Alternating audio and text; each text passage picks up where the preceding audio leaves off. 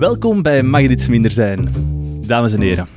Ik zit hier vandaag als eerste nieuwsoutlet of nieuwsmedium dat er bestaat, samen met de stichter van de Belgische tak van de vereniging Viruswaarheid. Welkom, Pieter-Jan van der Weijer. Goedemiddag, uh, Steven. Ja, alles goed? Is alles uh, vlot verlopen de afgelopen weken bij de oprichting van jouw vereniging? Ze hebben mij uh, vrijgelaten, ja. ja, ja, ja, ja. ja? Oké. Ja. Uh, nee, ja, bijna opgepakt hè, vorige week. ja, door, door deze aflevering, door de coronawet. Door, door, door wie op, door de politie opgepakt? Door de politie, ja, ja, ja, ja, ja. niet, niet door aan een of andere Noord dan nog.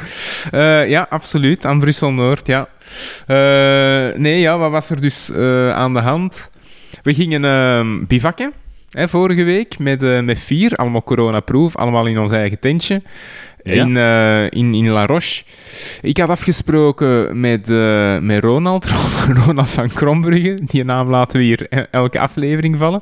Maar dus hij ging mij komen halen uh, met, zijn, met zijn van in, aan Brussel-Noord, aan ja, de, de, de gebouwen van de Vlaamse overheid daar. Nu, ik, uh, omdat we vandaag deze podcast hadden, dacht ik, dacht ik hè, de coronawet. Dus ik ga op die trein, dat is toch een dood moment. En ik ga me dan al wat inlezen. Dus ik had uh, het advies van uh, ja, de Mensenrechtencommissie, de Federale Mensenrechtencommissie FIRM. En was ik aan het lezen in, uh, in de trein. Bon, trein komt aan in Brussel-Noord en ik steek dat uh, ja, bovenaan in mijn rugzak. Hè. Dat is een grote trekkersrugzak. Oké, okay, ik steek dat bovenaan. Ik, uh, ik verlaat een trein, ik verlaat het station en ik ben nog geen 50 meter, 50 meter verder. En er stopt een combi naast mij en daar springen vier, uh, vier agenten uit. Vier mannelijke agenten en die gaan dus rond mij staan. Ja, je zou verminderen, hè, zeg. Uh, voilà, voilà. Ja, dus, straatloper. Dus wat ik, uh, wat ik niet wist, was dat er um, vorige week zaterdag, dus op dezelfde dag, een uh, anti-corona-betoging plaatsvond. Allee, of een, een betoging ja. gericht tegen de coronamaatregelen. Um, dus bon, hè, ze zien mij daar met een grote rugzak rondlopen. Ze denken waarschijnlijk, dat is verdacht. Dus ze komen met vier, uh, met vier rond mij staan en ze vragen, wat, uh, wat zijn u van plan? En dan moet ik allereerst beginnen uitleggen. Het, het, het was koud, hè? het was koud die dag. Het ging, het ging goed vriezen die nacht. Dus dan moet ik eerst al aan die mensen hun verstand beginnen brengen. Ja, ik ga, uh, ik, ga, voilà, ik, ga, ik, ga naar La Roche. Ik ben hier in Brussel aan het wandelen met een grote rugzak, maar eigenlijk kan ik naar La Roche. En daar ga ik op een camping liggen deze nacht in een tentje. Ja. Dus uh, uiteraard geloofden ze dat niet erg. Dus, dus bon, dat jij niet aan het station stond. nee. Je waren ja, van het station. Ja, voilà, voilà. Dus hè, logischerwijze zeggen ze, oké, okay, mogen wij eens even in uw rugzak kijken? Bon, ik doe die rugzak open. Het eerste dat ze er natuurlijk uithalen, is dat blad van die coronawet, waar dat ik dingen in had onderlijnd, uh, die daarin stonden, hè, van sommige rechters vinden het ongrondwettig, et cetera. Dus die, uh, die begint... Uh, ah, meneer vindt de maatregelen ongrondwettig. Nee, nee, nee, nee, maar... Hè, en dus dan begint... Nee, nee, maar ik heb nog... Ja, ja, ook, ik heb een podcast met een kameraad en hier, hier op mijn gsm, zie maar, zie maar. Bon, hè, dat heeft dan 10 minuten geduurd, de identiteitskaart afgegeven. 10 minuten? Ik denk het, ja, ja oh, zoiets. Fijn, dus identiteitskaart afgegeven. Um, ze hebben dan ja, heel, heel dat advies van firm hebben ze dan doorgebladerd. Dan gebeld met, ik weet niet, commissariaat of wat dan ook zeker. Heb ik helemaal een rugzak uitgelagen om te laten zien dat er toch geen stenen in, uh, in zaten. Op een bepaald moment dan ook aan het discussiëren met die police van... Uh, want hij vond dan dat het op niks trok, alle maatregelen. dus, dus ik was dan eigenlijk op een bepaald moment de regering aan het verdedigen. Ja, maar het is toch niet zo makkelijk, et cetera. Allee, bon. Die was u gewoon aan het challengen, hè? aan het dubbel bluffen waarschijnlijk. Ah, wel, dat, dat was ook wel... Die heeft dus uh, een stuk of zes keren gevraagd. En, en daar waar bent u eigenlijk op? De, waar, waar gaat u eigenlijk naartoe? uh, waar dat ik, hè, dus ik dacht op een bepaald moment, maar jij zegt echt gatdebiel, hè? Ik heb dat nu al vijf keer, ik heb dat al vijf keer, ik heb dat al vijf keren gezegd. Maar dat was achteraf, hè, viel me een frank. Van, ja, dat is waarschijnlijk gewoon om de coherentie in uw verhaal te checken, dat je elke keer hetzelfde zegt. Uh, dus dat is waarschijnlijk standaard, uh, standaard procedure. Nu, alleen na 10 minuten hebben ze mij dan toch laten gaan. Ondertussen had ik de Ronnie... En dan u kennende word je al zo wat prikkelbaar en begin zo wat Nee, nee, te doen. Nee, want ik, ik moet zeggen, ze, ze, ze waren wel correct. Eh, ik kan aannemen, eh, ja, als je, dat weet ik natuurlijk niet, maar ik neem aan dat er dan signalen waren dat er zoiets als Nederland zou kunnen plaatsvinden. Ehm, eh, tegen, ja. hè, tegen de coronamaatregelen, dat je dan een gast ziet in, met, een, met een grote rugzak. Eh, die dan ook nog. Voilà, ah, wel ja, die dan ook nog een ongeloofwaardig verhaal, alleen een ongeloofwaardig, een, een, een niet zo eh, vaak voorkomend verhaal waarschijnlijk vertelt, dat je dat dan wat dieper wilt checken. Ehm allee, dat kan ik wel begrijpen. En dus op zich, dus in het begin waren ze wat ehm, mm, prikkelbaar. Allee, geloofden ze niet, maar oké, als ik dan mijn rugzak had uitgeladen, dan, dan werden ze wel vriendelijker. Dus nee, op zich denk ik dat ze wel het eh, correct hebben gedaan. Het grappigste is, de, de, de Ronald rijdt voorbij, dus Ja. hij zou... Hij zou, en hij ziet u staan bij de flikken, dus hij zou echt uw verhaal kunnen bevestigen en hij denkt, ciao bitch, en hij rijdt gewoon door. Ja, echt hè, echt. Je rijdt gewoon door. En dan achteraf, als het dan gedaan is, dan, eh, dan zie ik dat hem in, de, in onze WhatsApp-groep heeft gezet. Eh, nee, mannen, we hebben een probleem, de PG is opgepakt. Ik ben niet aan het zwansen. Maar dat hè, dat. Niks construct- niet constructief van wat moeten we nu doen. Nee, gewoon louter droog die mededeling. Bon, maar dus ja, allee, ehm, zijn redenering was, als ik daar nu bij kom staan, dan maak ik het misschien enkel erger. Ehm, ja, oké, ik kan dat nu wel plus begrijpen. een van de lichten van zijn camionet die brandde, dus dat was ook misschien... Ja, voilà, voilà. Dus het had het misschien niet beter gemaakt. eh. Maar, Maar bon, wat een dus, voorbode, jong, voor, ons, eh, voor onze aflevering van voilà, vandaag. Ik, ik ben bijna door deze aflevering, door onze podcast, eh, opgepakt geweest, ja. Ja. Waarover ga je het gaan? De, de coronawet? Ja, de coronawet. Dat is toch wat ik voorbereid heb. Ja. Het voorontwerp. Ehm zowel in. België als in Nederland zijn er de laatste tijd initiatieven geweest om een aantal... eh, ja, om dat hele corona-optreden wettelijk te verankeren. Want PSG, we gaan even herhalen wat dat er in onze vorige aflevering gezegd is. Hè. Hoe zit het systeem nu in elkaar? Hoe worden de maatregelen genomen? En is dat wettig of grondwettig? Eh, ja, het is een aflevering zeker. Goh, wa- wanneer hebben wij daar de vorige keer over samengezeten? Eh in oktober of november, denk ik. Ehm, en toen zeiden we inderdaad, dus die maatregelen, eh, die, die ministeriële, de befaamde ministeriële besluiten, die ehm, worden allemaal genomen op basis van, allee, of het gros toch wordt genomen op basis van de wet eh, van 15 mei 2007 op de civiele veiligheid. eh, daar, die inderdaad ergens een, artikel heeft, waar dat dan in staat, hè, bij dreigende omstandigheden, eh, dat de regering, allee, of dat de, de minister bepaalde maatregelen kan nemen, ehm, eh, ja, ehm, verbieden om op bepaalde plaatsen te komen, et cetera. Ehm, dus dat is, dat is altijd, allee, tot, tot de dag van vandaag eigenlijk, is dat de, de grondslag geweest voor, eh, voor het optreden. Hè. En het is daar dat eigenlijk verschillende grondwetspecialisten ja, vraagtekens hebben bij geplaatst. Of dat dat eigenlijk een voldoende rechtsgrondslag was voor het optreden. Ook omdat het natuurlijk zoveel eh, effect heeft. Hè? De, de, Ja, het optreden van de minister. hetzelfde discours als in Nederland werd gevoerd. eh, maar Ja. die hebben dat eerder gevoerd rond de zomer. Wij zijn klassiek, een zestal maanden laat. Ja, ja, ja. Eh, ja, en nu die... die allee, toch in de media is, is die vraag pas gerezen in, in oktober, november. Hè. Allee, dat is natuurlijk, dat praat het, eh, het optreden van de, of het late optreden van de regering niet, niet goed. Eh, Nee, nee. Maar er is, het is pas ja, in, in oktober, november eh, is die vraag maar gerezen. Allee, of zijn de grondwetspecialisten daar ehm, zich, zich eh, beginnen outen in de zin van eh, is dit allemaal wel, wel oké? Terwijl dat de Raad van State ehm, eigenlijk daar altijd zeer terughoudend eh, in was. Dus de Raad van State, ons hoogste bestuursrechtscollege, dat uitspraak doet over de wettigheid van eh, die ministeriële besluiten, de maatregelen daarin, avondklok, ehm, eh, plaatsverboden, sluitingen van X en Y. Dat de Raad van State daar tot hiertoe altijd in heeft gezegd ehm, ja, dat er op zich geen eh, probleem was, hè, dat de minister op basis daarvan kon optreden. Minstens eigenlijk dat er misschien wel een probleem was naar eh, de delegatie toe, denk ik, als ik me niet vergis. Hè. Ehm, de delegatie die gebeurt, allee, of het toekennen van de bevoegdheid aan de minister door die wet van 2007, van die, de, civiele, de civiele veiligheid, dat, dat er daar misschien een probleem uh, was. Moet dat wel toebedeeld worden aan de minister? Is dat niet uh, iets dat aan de koning moet toekomen? Um, ja, de regering wilt je daar dan mee uh, zeggen? De regering, ja. Nee, de flippen.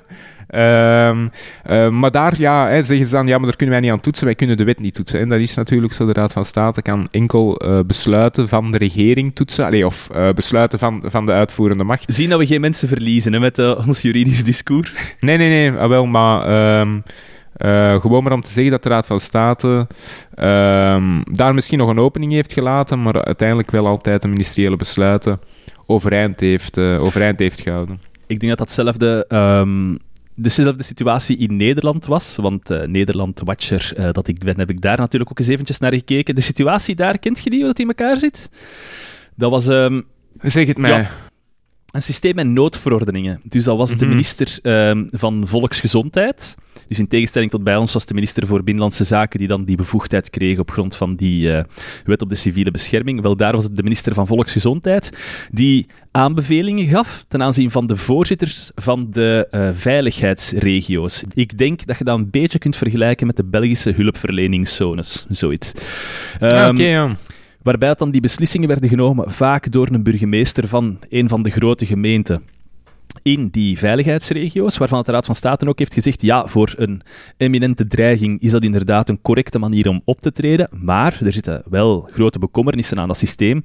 Dus dat het parlement daar niet echt een controle op kan uitoefenen en ook de gemeenteraad van die burgemeester dan, die kan er ook niet echt een controle op uitoefenen. Dus uh, op twee vlakken problematisch. Ten eerste democratische legitimiteit natuurlijk en ten tweede, ja, grondrechten worden daarbij beperkt. En dat gaat dan zomaar bij uh, een, een, een, besluit of, of bij een, um, een noodverordening van zo'n, uh, van zo'n veiligheidsregio. Niet positief dus. Daarom heeft die Raad van State ook gezegd: het is beter dat je inderdaad een, een specifieke wet uitwerkt. Dus ik ja, denk dat we de verschillende. Ja, daar heeft men dan met zoveel woorden, allez, of tussen de lijnen wel laten verstaan. Ja, maar bij ons toch ook, hè? Maar de Raad of van niet State... zo expliciet, nee?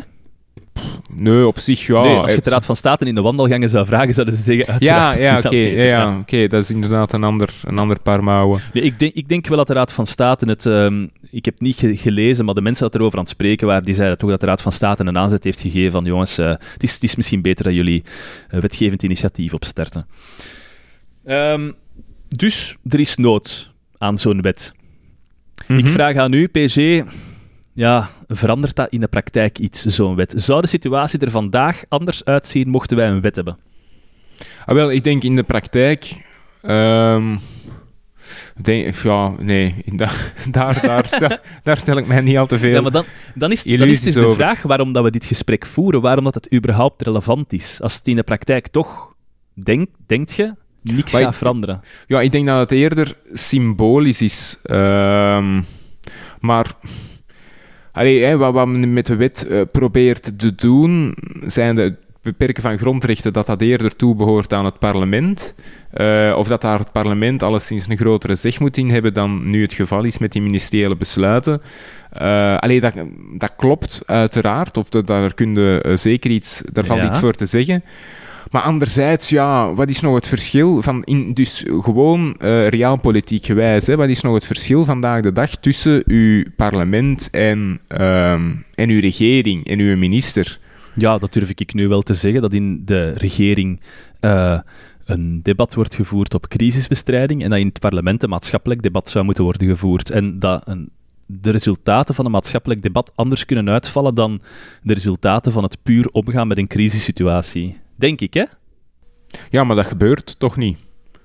Nee, nee, ah wel, maar dat is de hele... Dus ik heb al veel mensen weten te zeggen van, een, van de, waarom is de coronawet niet goed? Wel, de coronawet, daar gaat niks inhoudelijk in staan. Ah, ja, oké, tuurlijk, maar is dan niet de bedoeling dat er wel iets inhoudelijk in die coronawet staat, dat dat wel een toegevoegde waarde zou hebben? Ja, ja oké, maar dus gewoon naar de vraag toe, zou het parlement een grotere zeg hebben? Ehm, of, of meer gewicht in de schaal leggen? Ja, het is toch... Het zijn eh, waarschijnlijk de, partijvoorzitters die toch bepalen wat er, ehm, wat, er, wat er gaat gebeuren uiteindelijk. Het parlement, dat bedoel, ja, ik, ik volg uw redenering. Ehm, als het parlement echt een onafhankelijk orgaan zou zijn, waar dat eh, alle, alle parlementsleden niet, niet vasthangen aan, aan koortjes om in deze of geen richting eh, te stemmen. Natuurlijk dat dat debat daar een meerwaarde kan hebben. Eh, ja, dat, dat, dat, dat kan, maar uiteindelijk. Nee, ik snap wat je wilt zeggen, maar hoe gaan we onze luisteraars dan overtuigen om na dit aantal minuten toch nog voor te luisteren? Waarom dat het toch interessant kan zijn? Ik probeer het echt nu al te zien wat dat... Het, ik, vind er een, ik vind dat er een belang is, maar hoe zou je Ja. het verwoorden? Maar ik denk dat het eerder, allee, realistisch gezien, dat het toch eerder symbolisch, ehm, symbolisch is. Alleen nee, ehm, eh, eer, ten eerste symbolisch als je het bekijkt in de, in de relatie. Ehm, wetgevende macht, uitvoerende macht. Ik denk, ja, dat is, maar dat is niet enkel voor de coronawet natuurlijk. Dat is in, in alle gevallen zo dat dat meer tot, eh, hoe langer hoe meer tot één, macht is verweven. Allee, dat er geen verschil meer in zit. Hè. Dat je niet moet ervan uitgaan dat het parlement een tegengewicht biedt voor, eh, voor uw regering.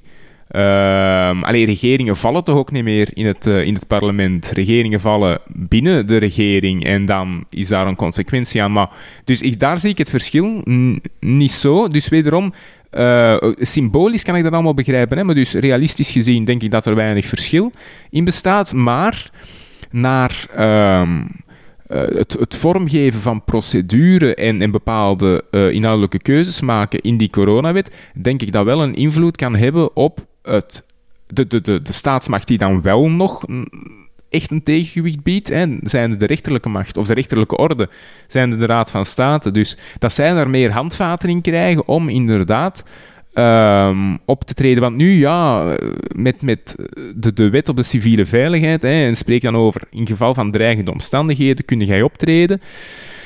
Er is geen, voor de rest geen procedure ook vormgegeven. Ja, dan is het natuurlijk... Allee, dat laat op zich heel veel marge, hè. Heel veel marge voor... ehm, Dus mocht er zo een wet zijn op dit moment, zouden wij waarschijnlijk nog altijd in een paaslockdown, of wat ik gelezen heb, een paasklokdown gezeten hebben, wat ik wel goed vind. Want voor iedereen in Nederland, België zit terug in de lockdown. Ehm, maar, maar het Ne- zou wel... Nederland ook zeker, nee? Zitten die Ja, maar ik, niet- wa- ik, was over, ik was over onze situatie Ah, eh, ja. bezig, dat wij terug in een lockdown zijn gegaan, wegens eh, stijgend aantal besmettingen. Eh, maar ook dat het dan transparanter zou zijn ten aanzien van niet enkel de rechterlijke macht, maar ook ten aanzien van de media, dat zij weten, oké, ehm, het is op die manier gebeurd en we hebben meer info. Eigenlijk zouden we er gewoon aan moeten beginnen, hè? de verschillende voorstellen, ontwerpen bespreken en uiteindelijk tot een conclusie komen of zoiets. Zullen we anders beginnen met het bierviltje van de NVA? Ah, dat gaan we weer... Ja, Peter is- erover, luister je nog? Het is dat we geen luisteraars hebben, anders zouden we weer al getrold worden. Eh, ja, ja, laat ons dat doen, laat ons dat doen. Ja, om de een of andere reden zijn die... ah ja, het is natuurlijk oppositie, zijn die een paar dagen voor het ontwerp, zijn die met iets, eh, iets huisgemaakt ehm, op de proppen gekomen. Hè? Iets, hu- iets huisgemaakt, dat kan, dat kan natuurlijk... Ja, da- daar kun je al eens blind van worden, van iets huisgemaakt. Ja, we moeten misschien nog op voorhand aangeven eh, dat, eh, dat je eigenlijk twee, twee richtingen uit kunt gaan hè, met, met Ja. zo'n wet. Ja.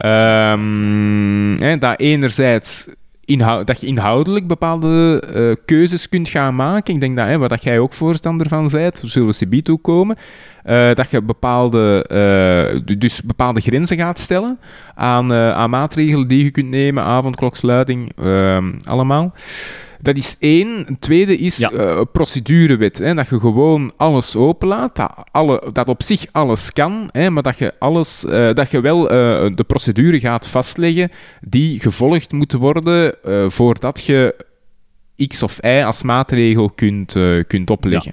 Er is op dit moment dus een probleem met uh, de coronamaatregelen die worden opgelegd. Er zijn een aantal uh, mankementjes, zoals is er juridisch draagvlak, is er maatschappelijk draagvlak, is het proportioneel? En dus die procedurele wet, dat vinkt maar één van die zaken af. Dat is eigenlijk, is het juridisch gezien, is er een wettelijke machtiging. Maar dat is dan ook het enige wat dat daar regelt. Dus je moet daar ook niet meer van verwachten van zo'n wet. Nee. En dat is het voorstel van de NVA. Uh, drie artikels, waarvan ik eigenlijk vier artikels, maar ik denk dat als je uh, de, de, wettelijke basis en dan nog eens een keer de inwerkingtreding wegrekent, dat je er nog maar twee artikels over hebt.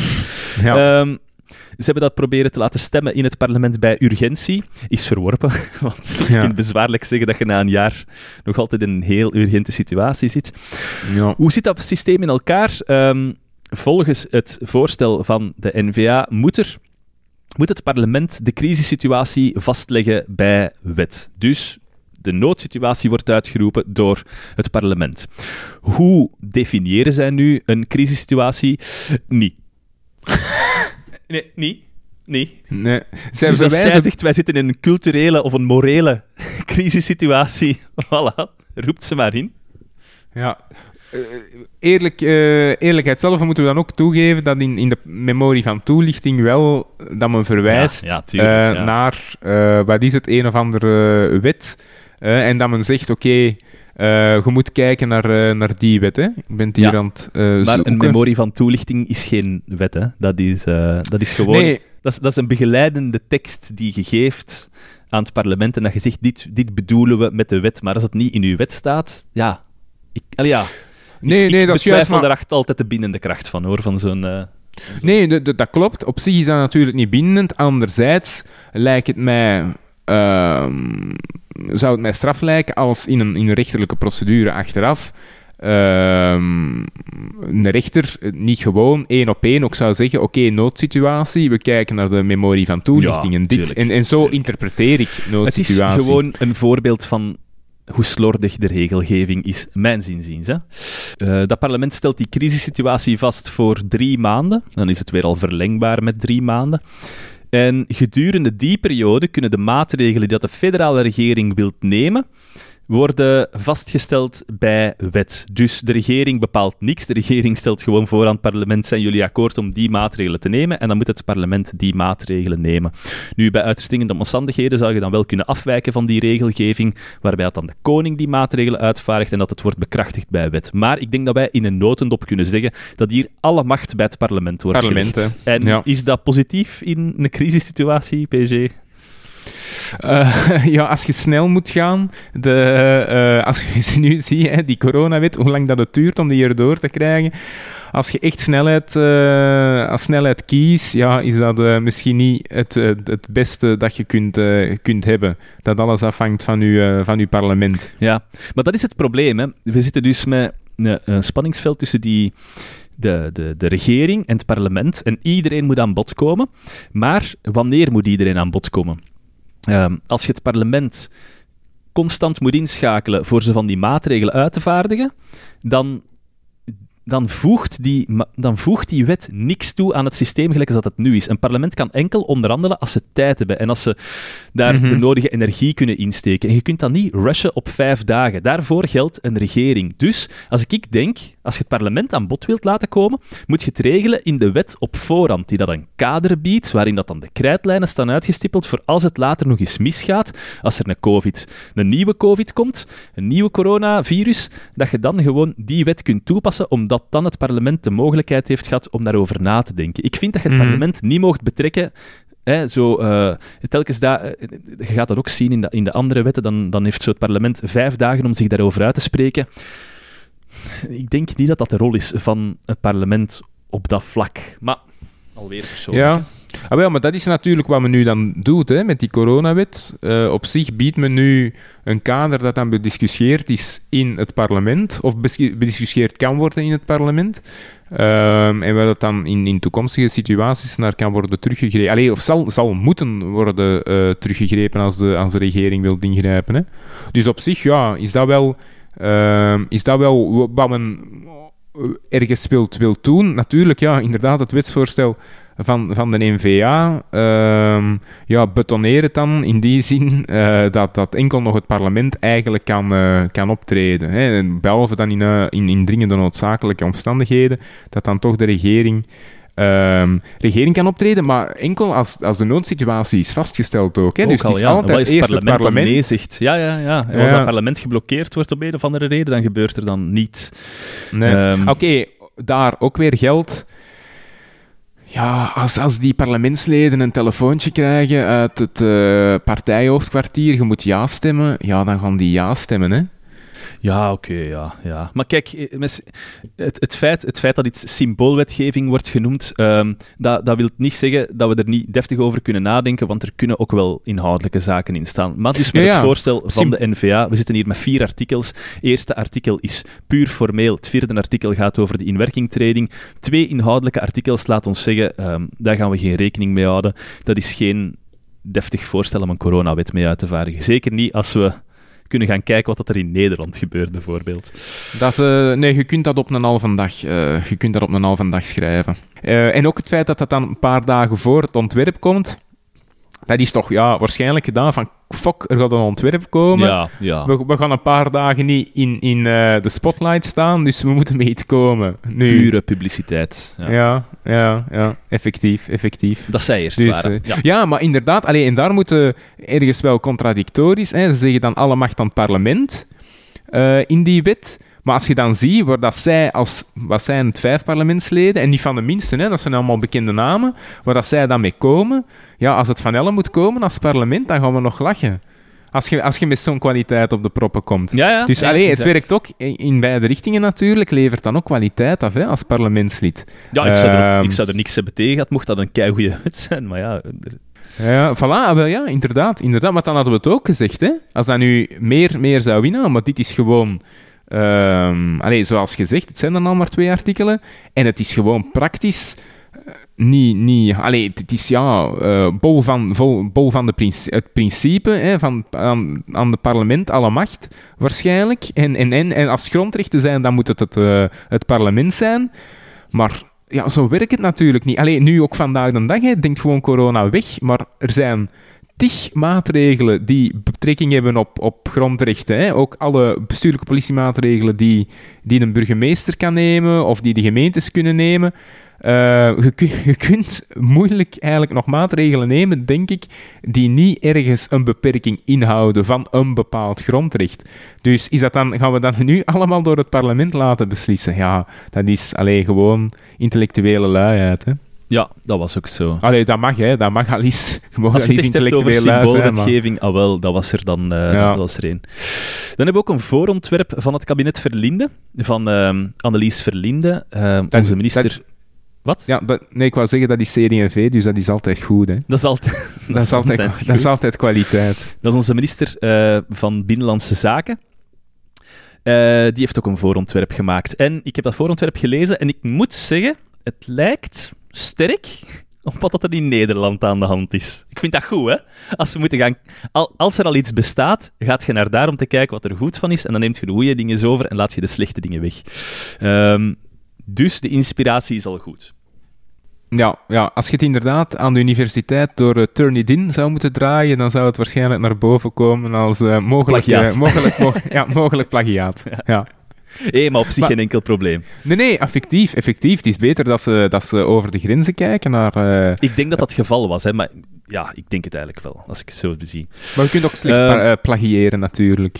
Het is dat. Wil ik anders eventjes ingaan op wat dat er in eh, Nederland de coronawet is, die al in werking getreden is. En dan kunnen we zien wat dat een overlap is. Voor onze Nederlandse luisteraars, ja. Ja? Ja? Ja, nee, doe maar, doe maar.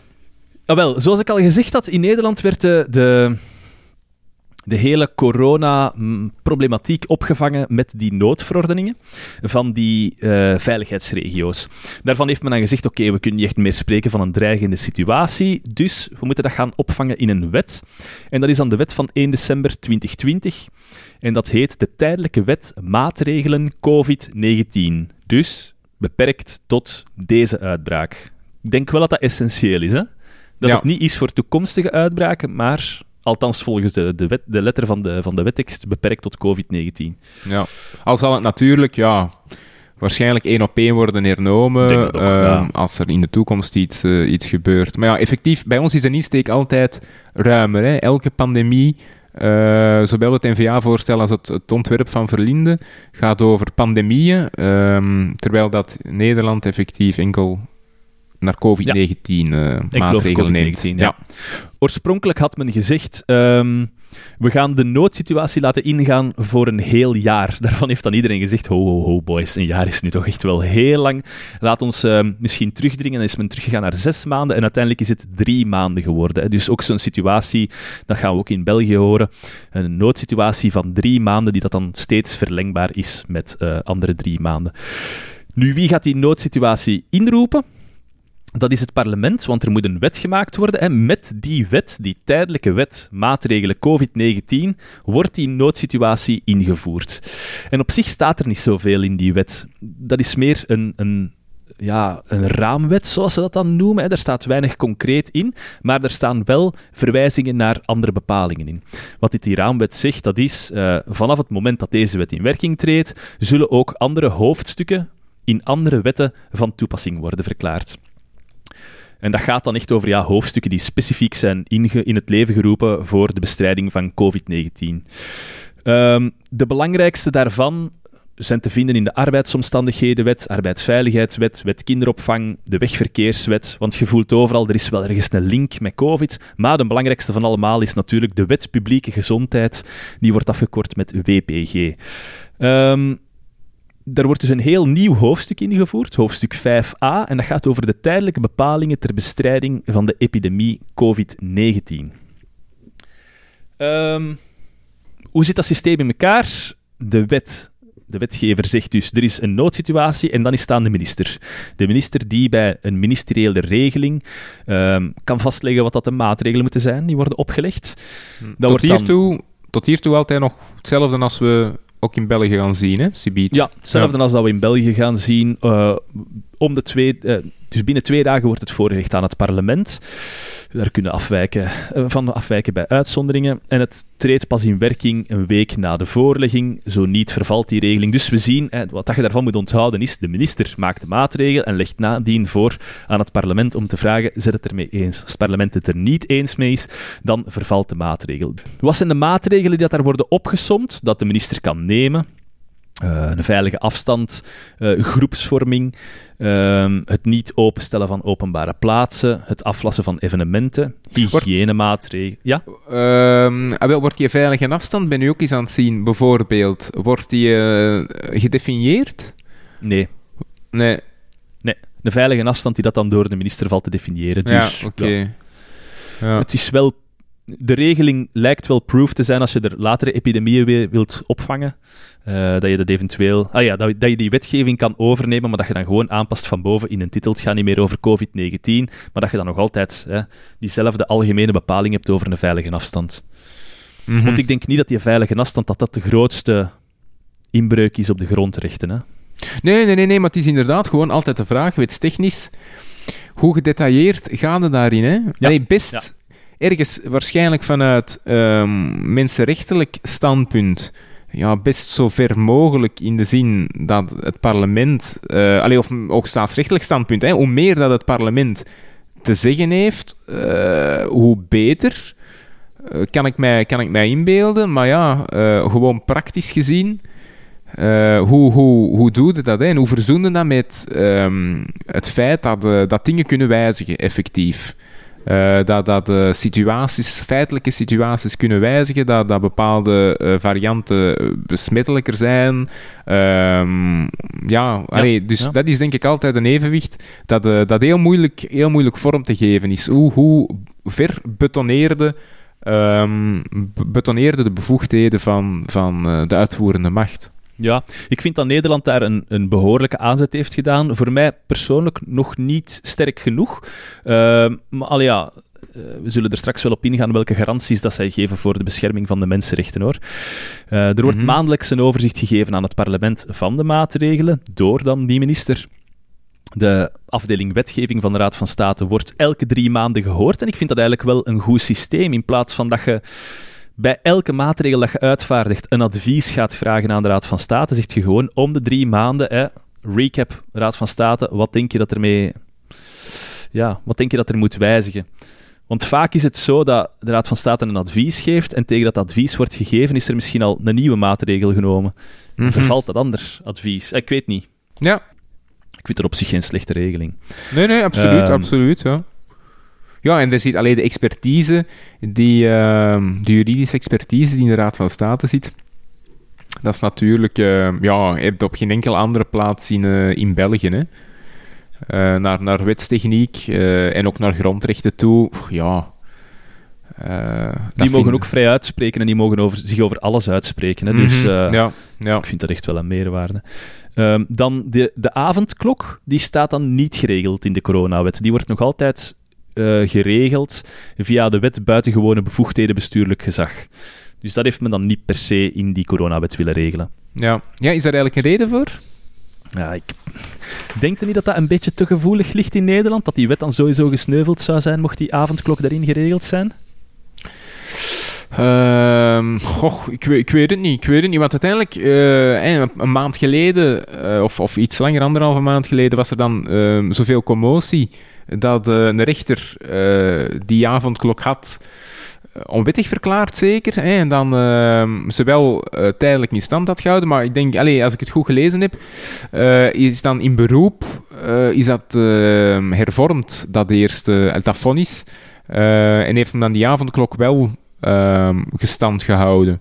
Dus pff, om nu te zeggen dat dat per definitie eh, daar, allee, dat dat daar, mm, dat, dat men daar zou oordelen dat dat per definitie ongrondwettig is. pff, Ja, dat, we- dat weet ik niet. Dat weet ik. Misschien oké nee, nee, dat nee, nee, maar dat dat politiek te gevoelig ligt, wil ik zeggen. Politiek, ja, oké. Ehm, ja, ja. Het zou kunnen, het zou kunnen. Ehm, nu, waar dat de Nederlandse wet sterk in is, dat is dat ze garanties voorziet. Die hebben dus echt nagedacht over... ehm, we gaan hier niet gewoon het systeem dat we hebben, waarin dat de minister zegt, dat zijn de maatregelen, we gaan dat niet bestendigen. We gaan echt een aantal voorwaarden opleggen. Eh een van die voorwaarden is een veilige afstand. Zoals we zeggen, een meter en een half. Dat geldt niet voor bijvoorbeeld personen met een handicap en hun hulpverleners. Dat wordt daar al specifiek in vermeld. Ook niet ten aanzien van ouders en kinderen. Dus daarin kan de, eh, kan de minister niet afwijken. Dat lijkt vanzelfsprekend, maar dat is een goede, een goede toevoeging, denk ik ook. Dat er ehm, geen maatregelen kunnen worden opgelegd of geen controle kan zijn binnen de woning zelf. Dus alle vaststellingen die dat gebeuren, die zijn alles achter de voordeur. Hè? Mhm. Achter- of buiten, buiten de woning. Ja, ja, ja. Ehm, dat is ook wel iets goed. En dan, heel tof, wat het erin staat.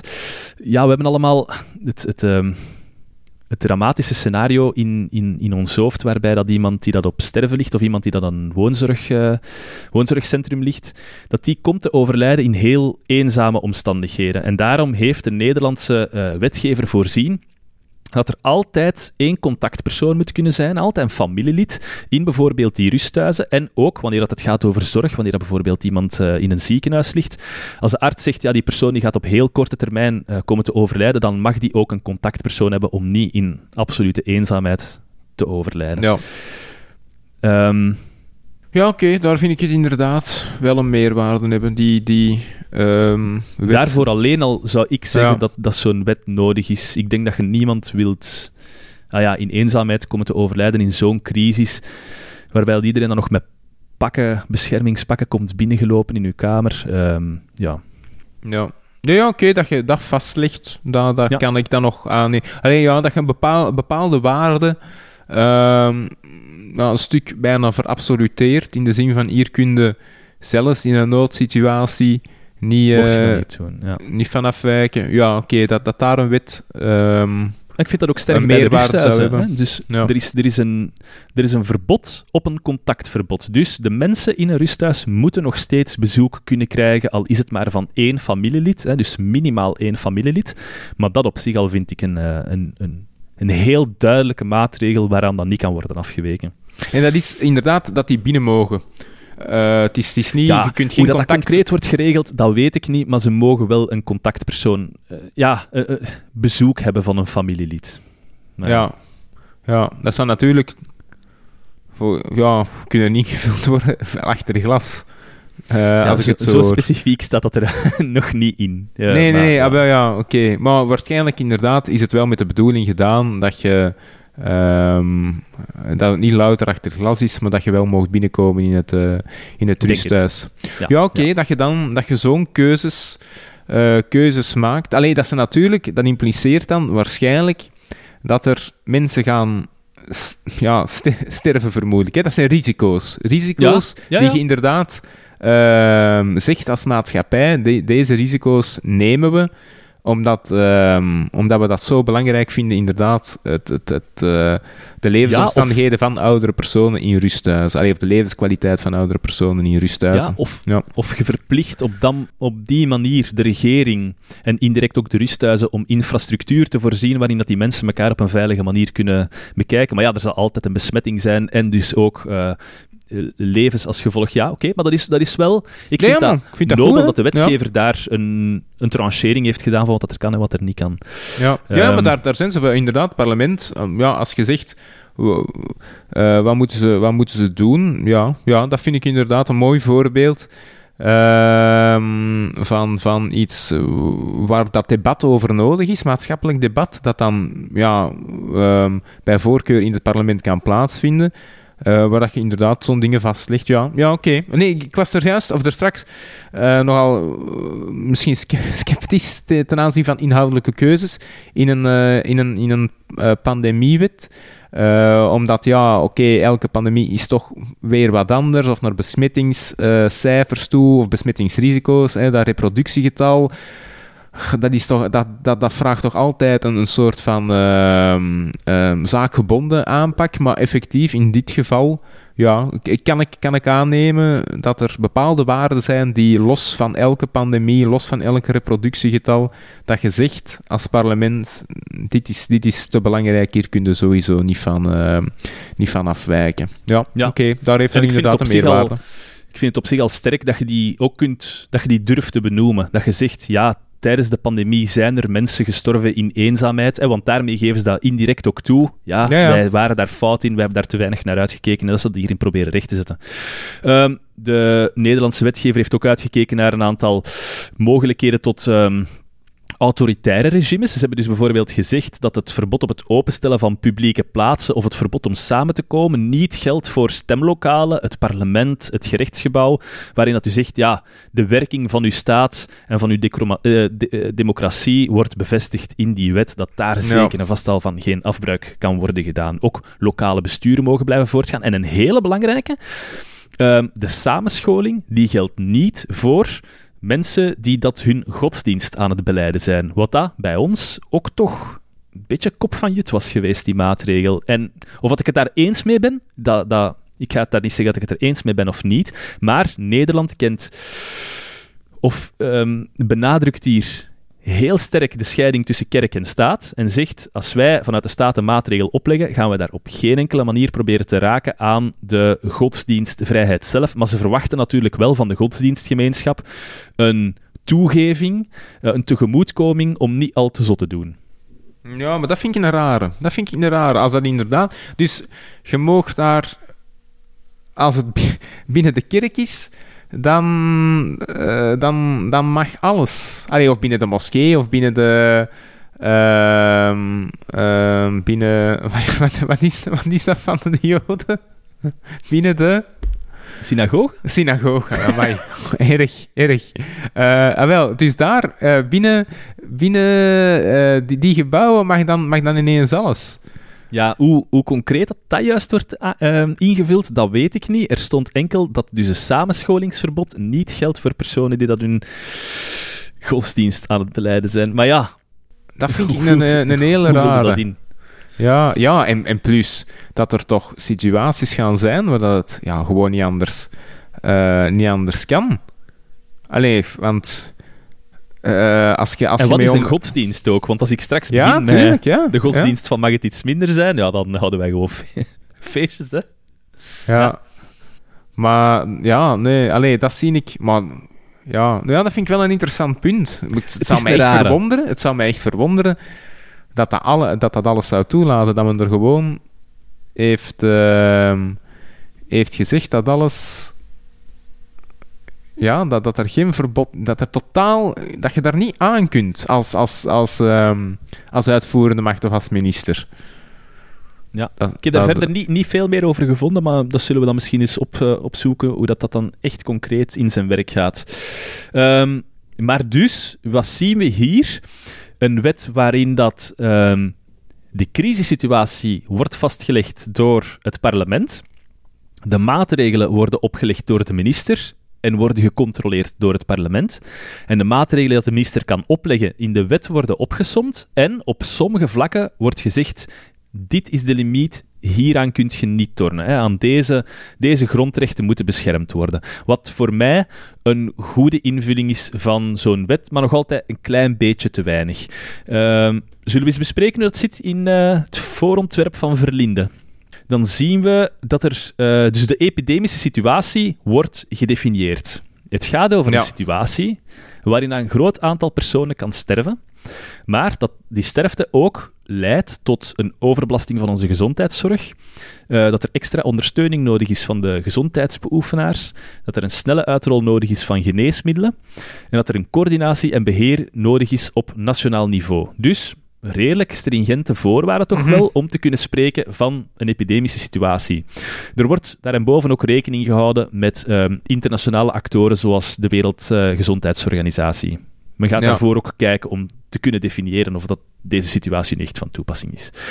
Ja, het is, echt, um, uh, het is bijna een half blad, hè? Uh, de de ja, definitie ja. van, uh, als je het gewoon bekijkt in de wet, het is, uh, ja, men is daar niet over één nacht uh, ijs gegaan. Nee, ik vind het positief. Er is over nagedacht geweest en het is niet te lichtzinnig. En stel je nu voor dat er een grote griepepidemie is, dat valt daar dus niet onder. Hè. Dan kan die epidemische situatie denk ik niet worden uitgeroepen. Um, ja, laten we ons eens bekijken. Hè. Die een groot aantal... Ah, ja, laten we ons eens bekijken. Die een groot aantal personen in België treft of kan treffen, de gezondheid aantast of kan aantasten en die de factor van sterfte of overmatige sterfte mogelijk significant kan verhogen. Ja, misschien dat je daar wel kunt zeggen dat een, een, een grote griepepidemie er wel onder valt. En die bovendien leidt of kan leiden tot een van... Oké, okay, ja, en dan, dat is natuurlijk een criterium dat, dat vrij stringent is. Een overbelasting van bepaalde gezondheidszorgbeoefenaars en voorzieningen. En de snelle en massale uitrol van geneesmiddelen. Ja, misschien, misschien, dat je dat kunt zeggen. Maar de laatste is wel een belangrijke. Hè? De coördinatie en het beheer op nationaal niveau is nodig. Ja, is, is dat echt... Het zijn, allez, het zijn stuk voor stuk moeilijke voorwaarden om in te vullen, denk ik, hoor. Ja, ja. Ja, ja oké, okay, inderdaad. Ik vind dat er goed inderdaad. over nagedacht is. En zeker en vast de laatste ook, men houdt rekening met internationale actoren zoals de Wereldgezondheidsorganisatie. Ja en Europese instellingen. Um, hoe zit dat systeem in elkaar? Wel, in tegenstelling tot de wetgevende macht, het parlement, die dat de noodsituatie afkondigt, gaat het hier de koning zijn. Dus de regering, de federale regering, die dat de noodsituatie afkondigt. Um, nu, alvorens dat de koning zo de noodsituatie kan afkondigen, moet er een advies zijn van de minister van Volksgezondheid en ook nog een risicoanalyse. Ook weer al voor drie maanden en verlengbaar met nog eens drie maanden. Uh, en de minister deelt de wetenschappelijke gegevens mee aan het parlement. En die gaan ook nadien bekend worden gemaakt. Dus die wetenschappelijke gegevens waarop dat die noodtoestand is gebaseerd. Dat parlement moet dat dan bekrachtigen binnen de twee à vijf dagen. Uh, als er geen bekrachtiging is, dus bekrachtiging bij wet, het moet in een wet worden gezegd, ja, wat dat er staat in dat koninklijk besluit, dat is juist, er is vanaf nu een noodsituatie. Wel, als er geen bekrachtiging is, dan vervalt die afkondiging van die noodsituatie. Um, eens dat je daarin zit, in dat systeem, is het de minister van Binnenlandse Zaken, want uiteraard Annelies Verlinde wil haar kabinet toch wat veiligstellen. Wij zijn het nog altijd die dat de nodige maatregelen kunnen nemen voor bestuurlijke politie. Voor hetzelfde geld zou dat de minister van Volksgezondheid kunnen geweest zijn, hè? maar het is dus de minister van Binnenlandse Zaken. Ook elke maatregel maximaal drie maanden verlengbaar. Er is geen bekrachtiging nodig bij wet, dus het parlement moet niet per se goedkeuren, maar het parlement kan wel zeggen... Um, Um, wacht even, geen bekrachtiging bij wet, wel mogelijkheid tot opheffing. Ja, dus het moet niet worden bevestigd door het parlement. Het parlement kan wel gewoon zeggen uh, als ze het er absoluut niet eens mee zijn. Um, ministeriële besluiten kunnen worden opgeheven via wet. En de burgemeesters en de gouverneurs kunnen strenger zijn. Dus wat dat we zagen in Nederland, er wordt rekening gehouden met de geografische situaties. De kustburgemeester kunnen in sommige gevallen strenger zijn dan andere burgemeesters. Er staat ook een bepaling bij waarin dat staat dat de maatregelen noodzakelijk, geschikt en in verhouding met het gevaar moeten zijn. Ja, het is nog maar wie dat, dat, dat erin staat. Dat is uh, een bevestiging van ons hele Europese recht en ons hele grondrechtensysteem. Dus op zich zou zo'n bepaling er niet moeten instaan. Um, nee, nee, maar dat is natuurlijk met alles zo, ja. Ja. Dat, dat, dat je dat er kunt uitlaten, maar op zich ja, is het wel ook naar symboliek toe uh, en naar, naar, naar leesbaarheid toe, is het... Mag het, hè? Um, het zwaktebod van het voorontwerp, voor mij, dat is... Uh, waar dat we zagen dat in Nederland de maatregelen heel breed werden opgesomd met alle voorwaarden en alle bekommernissen waar dat men mee moet rekening houden, welke uitzonderingen, zien we dat het hier in één artikel staat en dat de maatregelen enorm, enorm breed zijn opgesomd de maatregelen die dat de minister van Binnenlandse Zaken kan nemen, dat is bijvoorbeeld beperkingen op het binnenkomen of het verlaten van het grondgebied, de sluiting of de beperking van de toegang tot inrichtingen, de beperking van de verkoop of het gebruik van goederen en diensten, samenscholingen, een verbod op een verbod op of beperkingen van verplaatsingen en het opleggen van fysieke of sanitaire maatregelen. Ja, kunt je nog, kunt je nog meer algemeen zeggen wat dat de maatregelen zijn dan dat? Ik denk het echt niet, hè? Mm. Nee, het is een Dit puur is procedurele... Geven, hè? Ja, ja het, is, het is een puur procedurele wet, hè, inderdaad. Uh, ja. Die de procedure regelt, maar, maar inhoudelijk geen uh, keuzes maakt, zoals dat, uh, zoals dat in Nederland gebeurt. Ja. ja. Ik vind dat een zwaktebod, persoonlijk.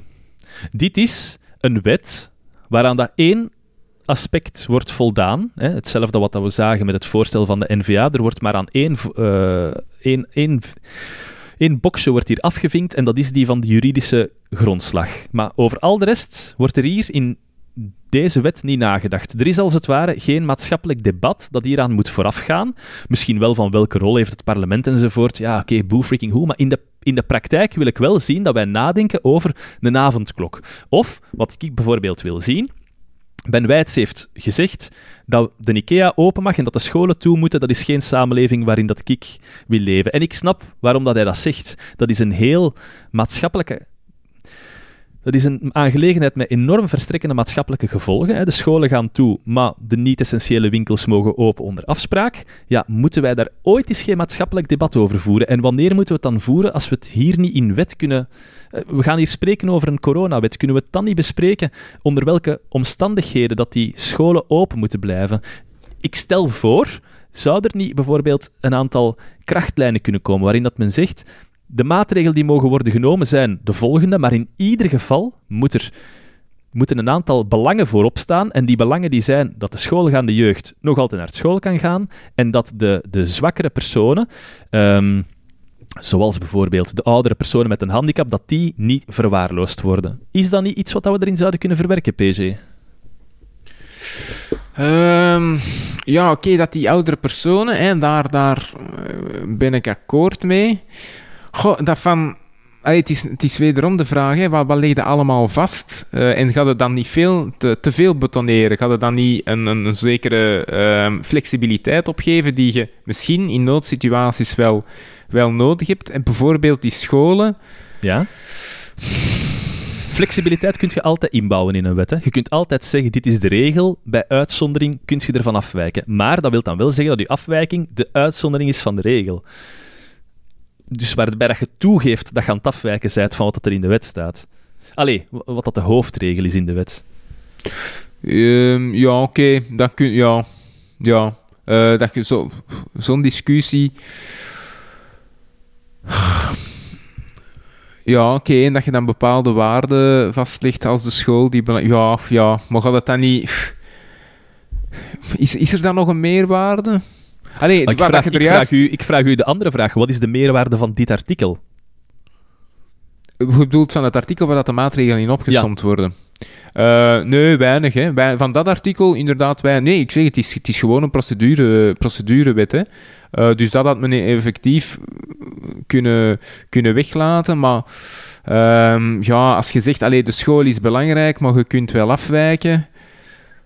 Ja, alleen dan, ik zeg het, dan vraag ik mij af, wat is... eh, want zoals in deze situatie, ja, een school impliceert wel dat je met, met verschillende mensen bijeenkomt in één dezelfde ruimte. Oké, en dan kun je dat nog ventileren. Ja, ja, ja, ja. oké, dat weet ik, Maar- dat is, dat is een beleid. Ik, ik, geef, ik geef maar voorbeelden. Hè. Het feit dat ehm, eh, in Nederland het perfecte voorbeeld van de oudere mensen die niet in eenzaamheid mogen zijn, zie ik hier niet in staan. Hè. Hier staat, Nee, nee, dus in het ja. artikel staat een verbod of beperkingen op verplaatsingen, het opleggen van fysiek of sanitaire maatregelen. Dat is, dat is het bestuur eh, een kanon geven. Hè. Dat, allee, dit is niet fijn gedefinieerd zeggen wat dat het bestuur allemaal kan doen. Dit is echt zeggen aan het bestuur, pak het gewoon over. Hier, doe je goesting. En voor alles wat dat je nu Ja. afkondigt, heb je een wettelijke grondslag. Behalve natuurlijk als het disproportioneel zou zijn. Maar dan moet je wel nadien bij de rechter gaan, in plaats van dat het op voorhand wordt vastgelegd in de wet wat dat je wel en niet kunt doen. Ja, ja oké. Eh, dat is natuurlijk met bestuurlijke politie altijd ergens wel naar... naar eh, als er een gevaar is voor de openbare orde, dan in principe de eh, overheid veel marge heeft om, eh, om op te treden. Dat, dat was ook op basis van de, de bevoegdheden van de burgemeester en de gemeente, eh, was ook carte blanche, mochten ook alles doen. En werd ook, werd ook gewoon ingezet op de rechterlijke controle achteraf. Ik denk dat daar meer, meer de sleutel ligt. Ehm, hoe, dat, ehm, hoe dat je het gevaar van een, van een eh, regering die, die te ver gaat, hoe dat je dat moet counteren, dat daar meer de sleutel ligt. Ehm, dat het op voorhand... Dus eh, die, die, die maatregel zoals in Nederland, dat je een, een, een prioriteit, alleen een prioriteit, of dat je het gewoon verabsoluteert van ouderen mogen niet in eenzaamheid De sterven ondergrens, ja. Daar kan ik, eh, daar kan ik dus wel in volgen. Dus ik, kan wel volgen dat je bepaalde waarden verabsoluteert. Ehm, maar dat gaan er niet veel zijn. Bijvoorbeeld, nee, bijvoorbeeld waar, ja. school lijkt me niet dat je dat kunt verabsoluteren. Mhm. Ehm, ook omdat je daar alternatieven in hebt, hè. Eh, denk ik. Oké, die, die op, op dit moment onvoldoende uitgerold zijn, absoluut. Maar waar dat je dat wel zou kunnen denken, dat bijvoorbeeld ook in de toekomst, hè, dat dat allemaal toch iets ehm, ehm, beter, beter gaat lopen naar thuisscholing, dat die platformen niet meer overbelast zijn. Het blijft moeilijk, hè. het blijft niet ideaal. Eh, ook naar thuissituaties toe van kwetsbare jongeren. Eh, het blijft natuurlijk moeilijk, maar dat je die waarde gaat eh, verabsoluteren in een, ehm, in een wet, dat lijkt mij... Ja, Stel je nu voor dat de regering een maatregel maakt waarin dat staat, eh, er moet anderhalve meter afstand worden gehouden tussen eh, personen met een handicap en hun begeleiders. Stel nu. Dat Ja. zou niet in strijd zijn met deze wet. Tenzij dat er iemand zegt, ja, dat is disproportioneel, maar Ja. de, de wet beperkt het al niet. Is, is dat een van die elementen die sowieso moeten worden opgevangen? Is het, zijn het bijvoorbeeld die grenzen die dat we moeten opzoeken en die dat we moeten definiëren? Of denk je, nee, we houden beter alles carte? Want je ziet hier ook, het is opgesteld vanuit een perspectief van wij gaan hier de lakens uitdelen. Hè? Wij schrijven hoe dat die wet zou moeten zijn. En als die wordt goedgekeurd, het is een bestendiging van het systeem zoals het op dit moment al is. Wij delen de lakens uit en wij kiezen wat het er is. Dit zou toch de perfecte moment zijn voor het parlement om te zeggen: nee, we gaan een aantal thresholds bepalen. Maar het is Ja. moeilijk, ja. Ja, ja, nee, maar ik, dus ik, ik, ik eh, ben absoluut akkoord dat je kunt in een wet inhoudelijk perfect vastleggen wat dat je vindt, waar dat niet aan getornd mag worden, dat je dat, perfect eh, dat, je dat op voorhand vastlegt. Eh, daar, ben ik, eh, daar ben ik mee akkoord. En allee, pas op, en dan ligt het nog niet vast. Hè. Dan ligt het gewoon vast totdat er nog eens een parlement zegt, we gaan dat veranderen. Ja, ja. Dus, nee, nee, maar dus dat je inderdaad, nogmaals, hè, voor die oude... du- Dus dat vind ik zoiets, ja, dat is een no-brainer. Ja, maar het sterven staat er in eenzaamheid. Het staat er In eenzaamheid. Nee, nee, nee, nee oké. Ik heb dus er is ook nog puntje... niet sterk over nagedacht, welke dat die maatschappelijke omstandigheden zijn die dat zo precair zijn. Maar Nee, nee, ah, wel, maar dus dat dat een, dat dat een verbetering zou zijn, daar, ehm, eh, daar ga ik mee akkoord. Daar ga ik mee akkoord. Dus dat daar misschien beter over zou nagedacht kunnen zijn. Maar eh, eh, anderzijds denk ik dat je er ook geen twintig gaat vinden van nee, die nee, waarden. Nee, nee, dat is dus. Dat is ehm, waar. ja, alleen ik zeg het, wat, wat kun je in zo'n wet dat je, alle, dat, er, dat je er alles aan gaat doen om, om de scholen open te houden? Ja, dat is dan een heel symbolisch. Oké, Ja, maar misschien mag dat is wel hè, wat dat Frank maar- van den Broeke... eh, dus eh, onlangs de afspraak op vrijdag, ze vragen aan Frank van den Broeke, vindt u het een goede beslissing om de scholen open te houden? En hij zegt, Mhm. dat is... Ik kan daar moeilijk uitspraak over doen, terwijl ik denk, jij bent politicus, dus jij zou dat wel moeten doen. Maar hij zegt, het is een maatschappelijk debat dat we erover moeten voeren. En waar, waar gaan we dat debat anders voeren dan in een parlement? Ja, ja, ja, oké. maar moeten dat dan op voorhand? Is dat ook gewoon die situatie? De, in het begin bijvoorbeeld hè, dachten we in maart eh, vorig jaar dan, of in april vorig jaar, hè, dachten we dat eh, eigenlijk kinderen eh, bijna niet geaffecteerd werden. Hè, dat ze het ook bijna niet Ja, voort nee, verspreiden, et cetera. Ja, ja, ja. Ehm, hoewel dat de scholen toen wel ges- gesloten zijn, maar bon, eh, dat snap ik dan ook niet goed. Ehm, maar dat je dan, allee, dat, dat, dat een andere, stel dat dat de waarheid zou zijn, dat je dan anders moet reageren dan als je ziet dat er inderdaad wel eh, verspreidingen voorkomen. Ehm, ook Ja. ook na, na, na vakanties toe, hè. Ja, vlak na een vakantie, iedereen, ja, allee, in de mate van het mogelijke is gaan skiën of wat dan ook. Dan is het uiteraard gevaarlijker dan. Ja, ik vind dat, ik vind dat moeilijk om op voorhand te zeggen. scho- uiteraard zijn scholen, eh, moet, moet dat een prioriteit zijn. Maar om dat, in een, eh, om dat op voorhand vast te gaan leggen in nee, een dat is, dat is waar, inderdaad. Dat kan Da- misschien allee, daar wel zou moeilijk zijn. daar zou ik meer vertrouwen, en, en dat mogen we doen, hè, op, op die andere tak van, van de, de, de drie machten.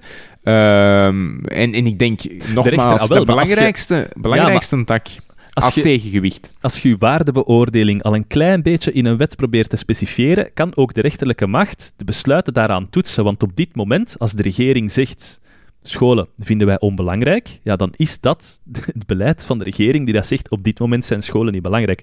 Terwijl als het in een wet staat dat de regering er weliswaar van kan afwijken, maar met zwaarwegende reden, dan kan de rechter nog altijd zeggen sorry, je hebt niet voldoende reden aangehaald om af te wijken van het beleid dat door het parlement werd vooropgeschoven. Ik zeg nu maar scholen als voorbeeld. Hè. Ik vind dat niet zelf... Ik vind dat zelf nu niet het, het, het, het allerhoogste goed in alle omstandigheden, maar moeten we het er ooit eens niet een keer over hebben?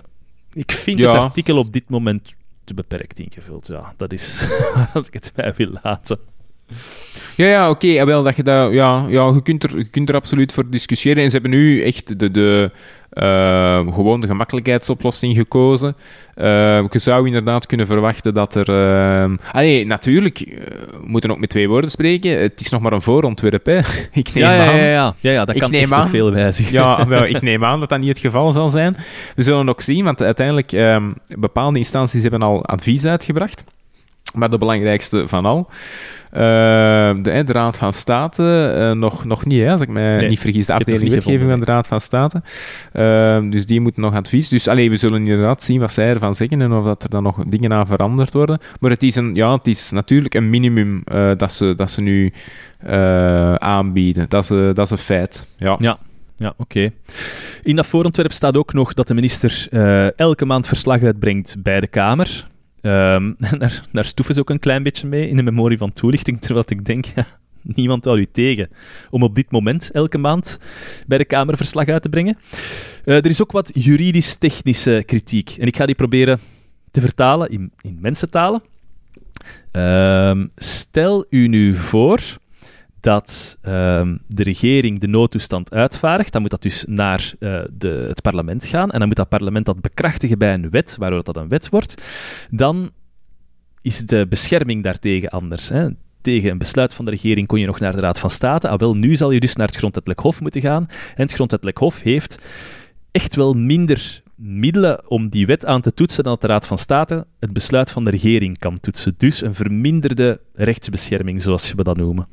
Ook minder mogelijkheden tot het, het opschorten van zo'n besluit. Ah, ja, Eh, zou ze strenger zijn? Zou ze ook strenger zijn, hè? Naar de In voorwaarden. ja. ja. Eh, naar de voorwaarden toe om, uit, eh, om, om een schorsing uit te spreken, zou men, zou men strenger zijn.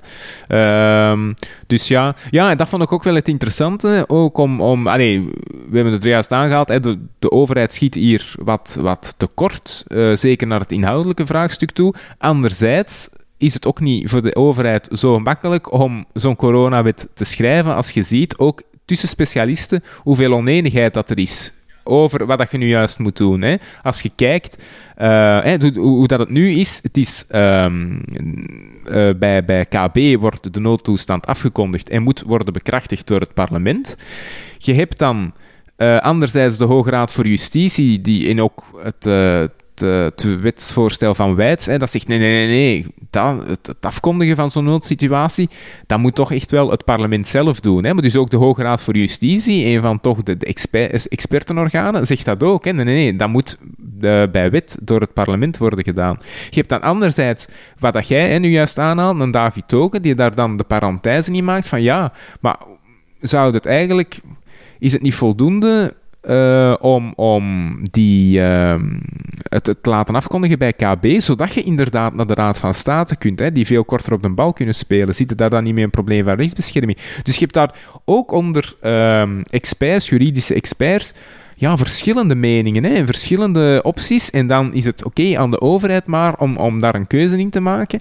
Dus voor de overheid is het ook op dit vlak niet, op, uh, niet, niet, niet volledig nee. evident om, nu, zijn, uh, om daar een keuze in te maken. Mijn persoonlijke mening daarover is: niet alles moet op een even goede manier worden afgetoetst door de rechterlijke macht. Hè. Dit is de afkondiging van de noodtoestand. Op zich verandert dat nog niks, buiten het feit dat de minister die beslissingen kan maken. Maar die kunnen dan ook afzonderlijk worden afgetoetst. Dus is het noodzakelijk dat de Raad van State zich hierover uitspreekt, in tegenstelling tot het Grondwettelijk Hof? Ja, ik weet niet. Er is al een regering overgegaan, een parlement. Is dat op zich al niet voldoende? Uh, ja. Daar ja. heb je ze alle twee aan boord, hè? Ja. In ieder geval. Okay, op zich, ja, daar valt iets voor te zeggen. Er valt iets voor te zeggen, ja. ja.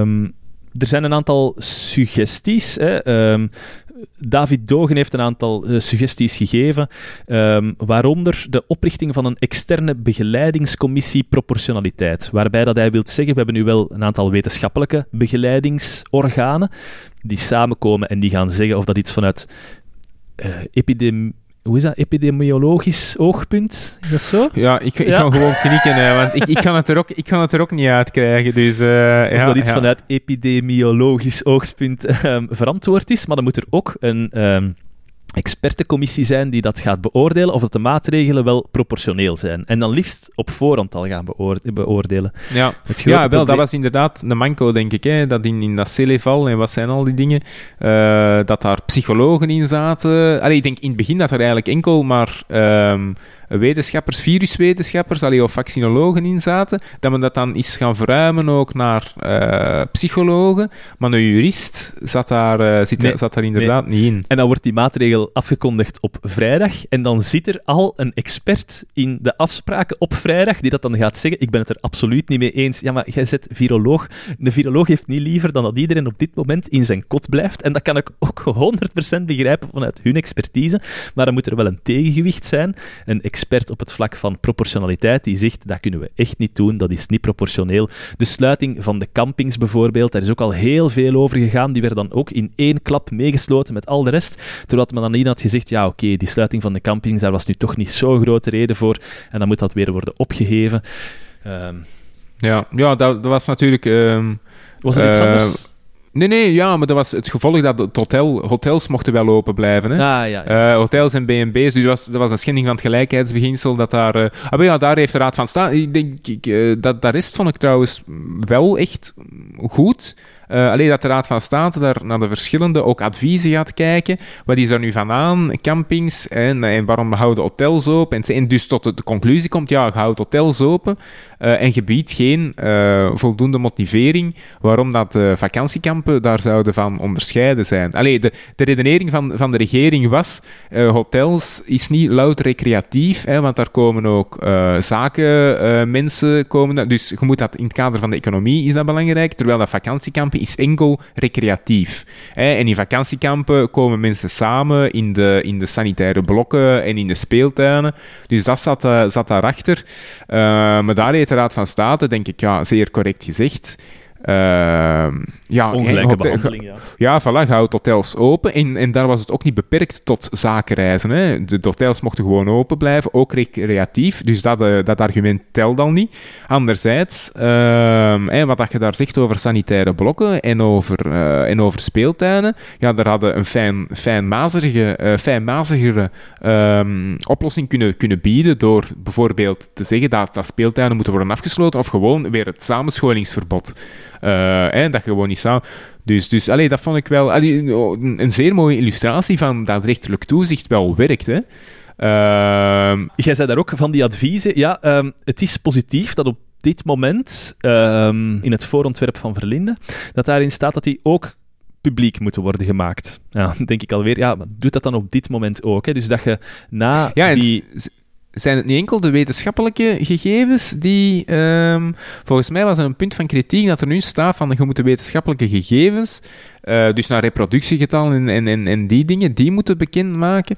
Maar dat bijvoorbeeld uh, de adviezen uh, die, die ja, juridisch zouden zijn of van andere inslag, dat dat daar op zich niet door gevat wordt. Ah, ja, ja, ja. ja, ja. En, en dat daar een voorstel was van, uh, allee, misschien is dat gewoon wat, wat, wat, slordig, wat slordig geschreven hè, in... Uh, in het voorontwerp. En dat misschien wel de bedoeling was dat alle adviezen zouden worden uh, overgemaakt. Maar dus dat dat een, uh, een, werkpuntje, een werkpuntje nog is. Ja, maar dat zou zeker goed zijn. Hè? Een beetje transparantie. Um, en als er geen duidelijkheid is over besmetting, bijvoorbeeld door kinderen ten aanzien van of kinderen nu besmettelijk zijn of niet, dat je dat dan ook gewoon aangeeft. Ehm, ja. En ja. dat je daar wetenschappelijk over naar buiten komt. Het niet weten is eigenlijk ook weten. Hè? Um, ik bedoel, ja, is ook een wetenschappelijk gegeven. Ook naar rechterlijk toezicht uh, toe hè, is dat uh, denk ik fundamenteel. Ehm, dat er inderdaad, hè, als, als men zich beroept, bijvoorbeeld die avondklok, hè, beriep men zich is, uh, in Antwerpen, allee, ik denk dat dat nu nog altijd het argument is, maar nachtelijke feestjes. Uh, en dat dat een, een, broeihaard was. Uh, en dat men zag hè, dat dat verplaatste, maar, maar waar blijkt dat uit? Uh, Waar ik mij soms de vraag stel, ja, of dat de Raad van State daar toch niet ehm, ja, iets te soepel in, uh, in meegaat. Een ander probleem dat David Doge um, ook opwierp, dat is dat de... Oké, tegen een besluit waarbij dat maatregelen worden opgelegd, kun je een beroep instellen bij de Raad van State, zoals we al een paar keer gezegd hebben. Maar je moet dat doen binnen de 60 dagen. Um, dat is zo, ja, dat is een hakbijltermijn. 60 als na, de 60 dagen is, heb je geen, uh, is het beroep onontvankelijk. Maar het kan zijn dat uw omstandigheden beginnen te wijzigen na die 60 dagen en dan heb je eigenlijk geen rechten meer om daartegen op te treden. Dus hij zegt, misschien moet er een verlenging zijn van die beroepsmogelijkheid van de Raad van State, zolang dat die maatregelen van toepassing zijn. Uh, ja, ja, ik denk dat dat ook uh, iets wat de Hoge Raad voor Justitie uh, zegt, als ik me niet vergis. ja, op zich ja, lijkt dat mij um, ja, niet, niet onredelijk om zoiets, om zoiets vorm te geven. Dus ja, hij pleit dan ook nog een klein beetje voor andere straffen in plaats van gevangenisstraffen en en, en, en, strafrechtelijke sancties, dat men niet altijd voor de rechter moet komen bij, een strafrechtelijke in, uh, bij zo'n inbreuk van een coronamaatregel, maar dat je ook veel meer aan de slag kunt gaan met administratieve geldboeten. Ja, dat, dat dan meer moet worden uh, geregeld op dat niveau.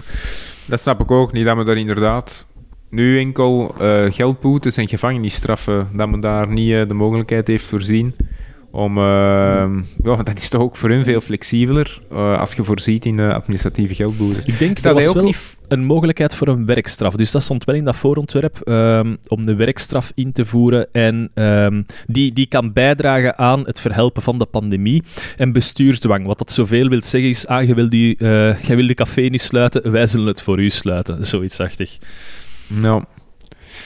Was er ook geen uh, voorstel voor een formele motivering uh, als men uh, naar proportionaliteit toe? Ik denk dat dat er sowieso in het ontwerp staat. Hè, dat men ehm, moet motiveren waarom men eh, de, de beslissingen proportioneel acht. Dat men dus hè, de klassieke...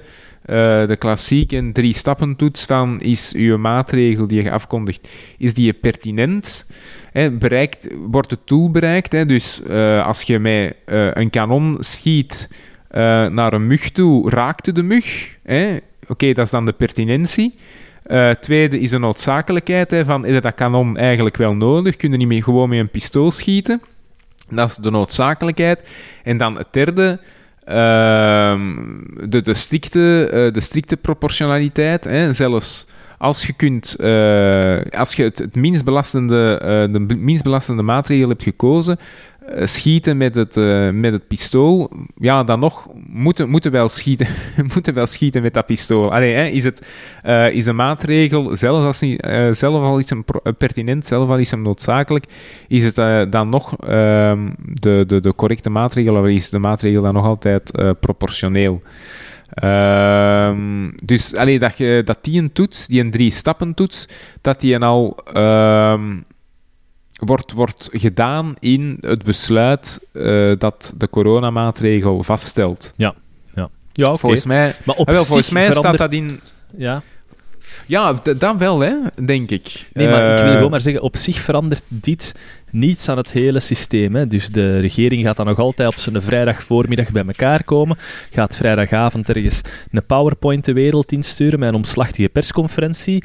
En dan in de dagen nadien zal er wel ergens een motivering aan gegeven worden. Maar uiteraard, nu kan die motivering wel worden gebruikt bij de rechter um, om eventueel... Allee, kende die motivering, die gaat dat gaat niet gebeuren op die vergaderingen. Nadien gaat er iemand een weekend hebben om te schrijven: Oh ja, waarom zijn de andere maatregelen niet van belang? Ik, heb, ik hecht daar praktisch niet zoveel, niet zoveel nut aan hoor, preventief toch? Als ik dan toch misschien een, een positief punt mag geven, is uh, wat we op dit moment de regering kunnen verwijten. Dat is dat ze op vrijdagmiddag een overlegcomité beleggen. En dat ze vrijdagavond vaak al nadat de, uh, de expertenpanels, de, de, maatschappelijke duidingsprogramma's gedaan zijn, dat ze dan met hun omslachtige uh, PowerPoint naar voren komen en dat dat dan de regels zijn voor de komende maanden. Dat er nu een cool-down periode wordt ingevoerd van twee tot vijftal dagen, hè, waarin dat het parlement zich erover moet buigen. Um, waarbij dat men niet overstag kan lopen met die nieuwe regels. Hè. Die echte cool-down, ja, dat men daar nog eens kritisch naar kan kijken. Dat men, dat men dan ook zijn frustraties kan uiten en die dat dan ook kunnen worden meegenomen door het parlement. Dat het niet gewoon de, de wil van de regering is wet, maar we hebben hier nog een mogelijkheid ook om uit de media, hè, om uit de media, op sociale media, onze kritiek daarop te geven dat er eventueel nog iets van komt. Ja, ja. Hm. Ja, ik vind, allee, het is niet simpel, hè. Ik denk dat dat toch ook iets is dat je altijd in het achterhoofd moet houden. Het is niet per se simpel om uh, keuzes te maken voor de overheid en om dan... Uh, ja, zeker naar dat inhoudelijke toe, op voorhand dat vastleggen, dat vind ik niet, uh, dat vind ik niet zo evident om, ehm, om, om dat te doen. Uh, ja, nee, dat is niet evident. Maar ik ga ook zeggen dat wat er nu in staat, dat, dat fundamenteel te weinig is. Dat, allee, dan schrijf je beter geen artikel. Je bedoelt dat artikel dat die inhoudelijk... Ja, ja, oké, okay, daar geef ik u gelijk in. Dat geef ja. U, ja, ja, dat is puur cosmetisch. Ja, ja dat is juist. Dat is um, juist. Dan schrijf je beter een artikel, de regering kan de maatregelen uh, nemen die zijn nodig acht om. Voilà, en dan, dan zijt je er ook. Ja, ja dat had inderdaad hetzelfde geweest, ja. Daar geef ik u absoluut gelijk in. Maar ja. Um, het is een moeilijke afweging, ja. Um... Maar denk jij, om, om terug te komen op, op een van onze eerste vragen, dat de, de situatie anders zou zijn mochten we nu een goede coronawet hebben? Op nu, op dit moment. 28 ja. maart. Ja. Uh, ja, ja, ja, ja. Wat dat er misschien wel fundamenteel zou veranderen, als we, daarin, als we echt nadenken over dat inhoudelijke luik, dat er minder sceptisch zou bestaan ten aanzien van de maatregelen. Dat als er een maatregel, als er een avondklok wordt opgelegd, dat men daar toch alvast kan zeggen, ja, mannen, we hebben het ooit afgesproken in een wet, als er een pandemie komt, behoort die tot één van de mogelijkheden. Um, daar moeten we gewoon ja. rekening mee houden, want je ziet het nu al aankomen, hè? een avondklok wij zijn daar zo vertrouwd mee geworden dat dat ook voor andere zaken waarschijnlijk wel eens een keer zal worden ingeroepen, hè, mhm. eh, de precedentwaarde. Als we dat al preciseren in de wet, kan je zeggen, ja, dat is niet zoiets maar zo een algemene norm die we ooit, of een algemene maatregel die we altijd kunnen opleggen. Nee, nee, dat heeft een hele specifieke wettelijke basis en dat is voor pandemieën en je kunt dat niet één op één gebruiken voor andere zaken. Misschien. Ja.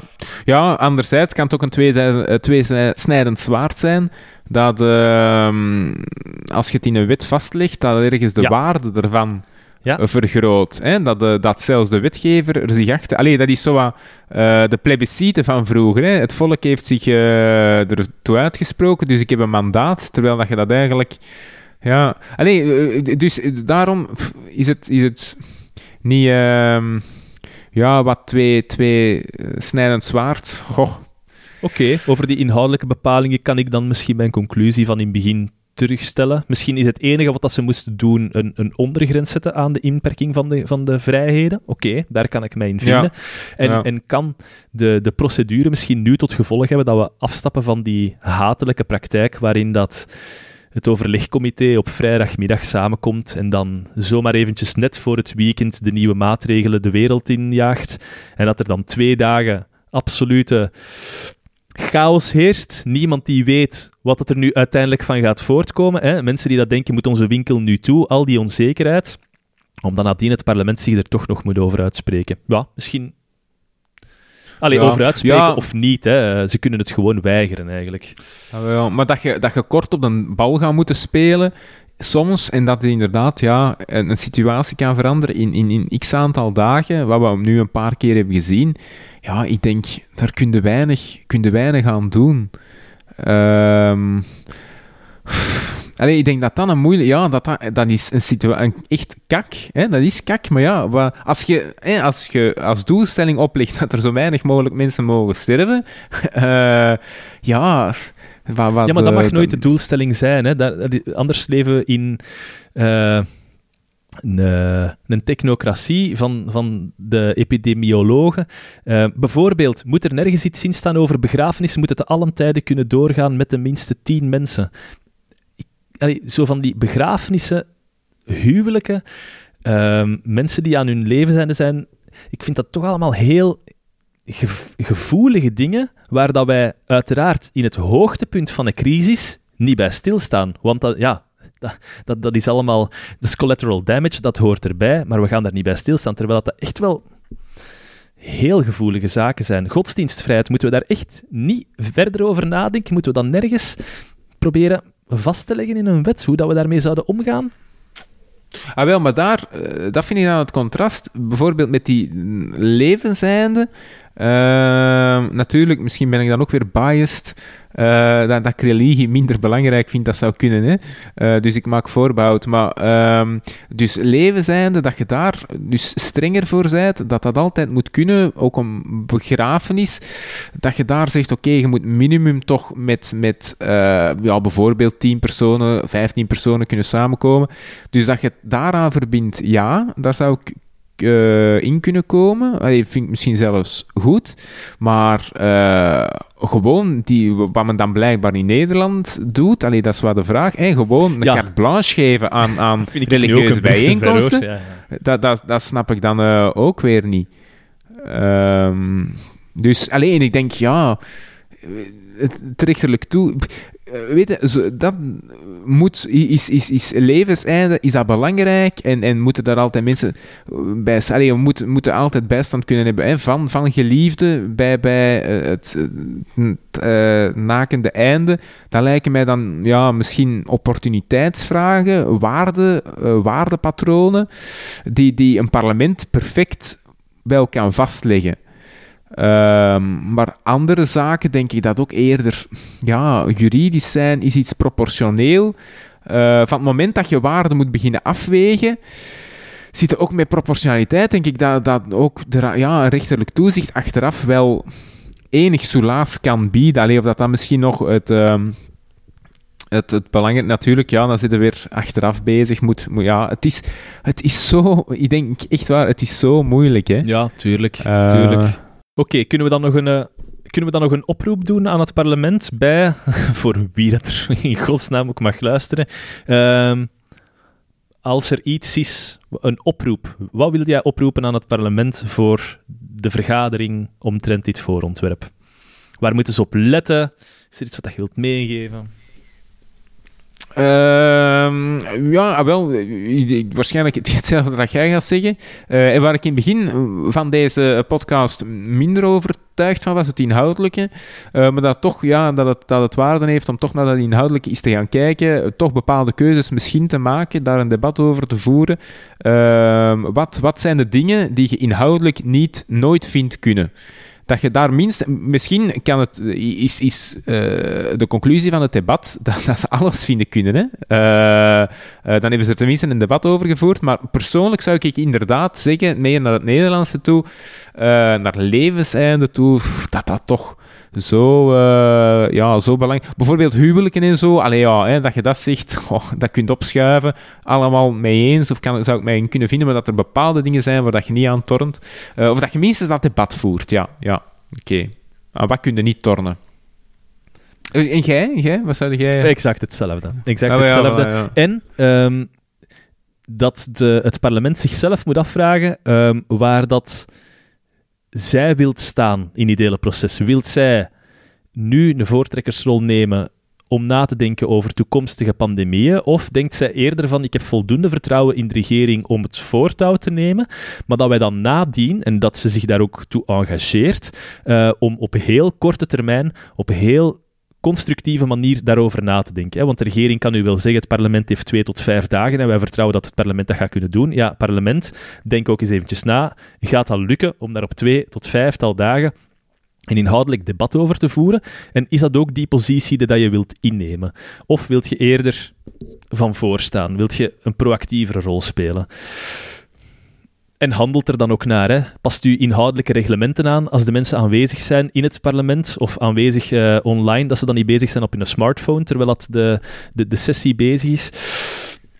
Ja, Ja, ja, ik denk dat je hier ook echt botst op het staansbestel, hè, hoe dat het in, in realiteit eigenlijk wordt vormgegeven. Dat het parlement uiteindelijk maar ehm, ja, een, bijrol, een bijrol heeft hè, in, eh, in heel het gebeuren. Dat alles wordt georchestreerd vanuit partijhoofdkwartieren of de regering en dat het parlement dan ehm, vaak, vaak moet ja knikken. Ik denk dat dat er ook wel... het parlement is, ik denk gewoon, het parlement is sterk als ze dat wil. Ehm, dat van die Ja, partijen. ja, ja, oké, Ja. tuurlijk. Ja, ja, ja. Maar dat wil ze niet. ja. Eh, Nee, ja, oké, sorry, ik kan er nog altijd niet van over. Je zit te- ze zitten te klagen dat de regering te veel macht heeft bij, bij COVID. Ja, jongens, eh, een jaar, we zijn een jaar onderweg nu. Eh, er is nog altijd geen wet. Dat wetsinitiatief moet niet enkel van de regering komen. Hè. N-VA heeft het op zijn eentje gedaan. Dat kan, allee, dat kan ook door andere partijen binnen, de, binnen het parlement gebeuren. Hè. Maar ja, dat is dan weer al die Ja, oppositie, hè. zeker. Oppositie. Ah, wel, ja, voilà. inderdaad. Kom met een wetsvoorstel. Maar nee, iedereen wacht gerustig af. En aan wie komt het dan om het wetsvoorstel te sch- eh, wetsontwerp te schrijven? Ja, uiteraard is het dan uit de regering. En wat lees je dan? Een bestendiging van de bestaande situatie. Oké, ja. Top, top, top, top. Niet cynisch Ah, hè. Ja, maar nee. Ik dacht echt dat we volgende week konden afspreken met Christophe Maas om dan te spreken over 1831, want ik ben het een beetje beu om te praten over onderwerpen waar ik zelf niet heel veel van ken. maar dan komt nu weer al die nieuwe lockdown. Misschien, hè, als het weer goed gaat zijn, moeten we het gewoon buiten doen en moeten we het gewoon laten doorgaan. Ja. Ja, voilà, voilà. Dan hebben we nog speling, dan kunnen we nog iemand In uitnodigen. de winter zelfs. gaat dat niet, maar mocht, als het weer goed is, zouden we het misschien wel kunnen laten doorgaan dan buiten. Met een beetje meer achtergrondlawaai, maar Als dat vogeltjes zijn, is dat altijd aangenaam. Hè? ja, en de Leuvense steenweg, hè, ja, dat is ook natuurlijk heel idyllisch. Ja, ja. In Kurtenberg. in Kettenberg. Alright, PG, Nee. jong. Ja, we hebben veel vragen. We hebben weinig antwoorden, denk ik, gegeven in deze podcast. Eh, veel vragen, maar dat, dat, maakt het ook interessant, hè? Ja, misschien hè, om, om even te counteren wat dat we in het begin hebben gezegd. ehm, is het relevant voor niet-juridische luisteraars als er in de praktijk toch niet zoveel gaat veranderen met dit wetgevend initiatief? Wel, hopelijk hebben we nu toch een klein beetje kunnen aangeven hoe moeilijk dat die hele situatie is. En hoe meer dat je weet, hoe meer dat je ook weet dat je nergens iets van weet. Dus, eh, Voilà, voilà. en dan kun je Ja. ook iets beter kaderen. Allee, laat ons hopen dat dat dan de bedoeling is. Voor mij heeft het in ieder geval gewerkt. Ik dacht dat er veel grotere nadruk moest zijn op inhoudelijke bepalingen. Ah, wel, dit gesprek heeft mij geleerd dat dat toch niet zaligmakend is. Ehm, alles behalve Ah, wel, en, ik, en, en ik ben in de andere richting ja, wat ah, opgeschoven. wel. Ik denk dat we bij ja, elkaar dus- zijn gekomen. Ja, ja, voilà, voilà. Eens te meer, eens te meer. Zalig. Alright, iedereen. ehm, als je ons een klein pleziertje zou willen doen, deelt de podcast met iemand die dat je kent, die dat misschien ook wel geïnteresseerd is in onderwerpen allerhande, eh, zoals dat wij hier bespreken. En dan kunnen we toch in community nog een beetje groeien. Ja, voilà, voilà. En dan hebben we misschien eh, nieuwe sprekers, hè, afhankelijk van... eh, want luisteraars kunnen... eh, de, de luisteraar van vandaag kan de spreker van, van morgen worden, hè. nee, wij, wij, staan open voor alle van onderwerpen. maken. Ja. Eh, nee, maar we staan open. Allee, we hebben natuurlijk nu al een lijst die we kunnen afwerken. Eens dat we terug samen mogen komen. Een, lange lijst. maar maar allee, we staan open voor alle onderwerpen, denk ik. Ehm, Ah, wel. Als de volgende aflevering buiten is, dan ga ik daar zitten met een snotneus. Want het is hooikoortseizoen, en- maar dan ga ik er gewoon vol een bak voor. Eh, maakt niet uit. een, een snotneus en Christophe Maas. Alright. Wat wil de mensen nog super, meer? Super. Iedereen bedankt om te luisteren. Zeg. Japs. Tot de volgende. Tot de volgende. Tot binnen enkele weken. Ciao. Ciao.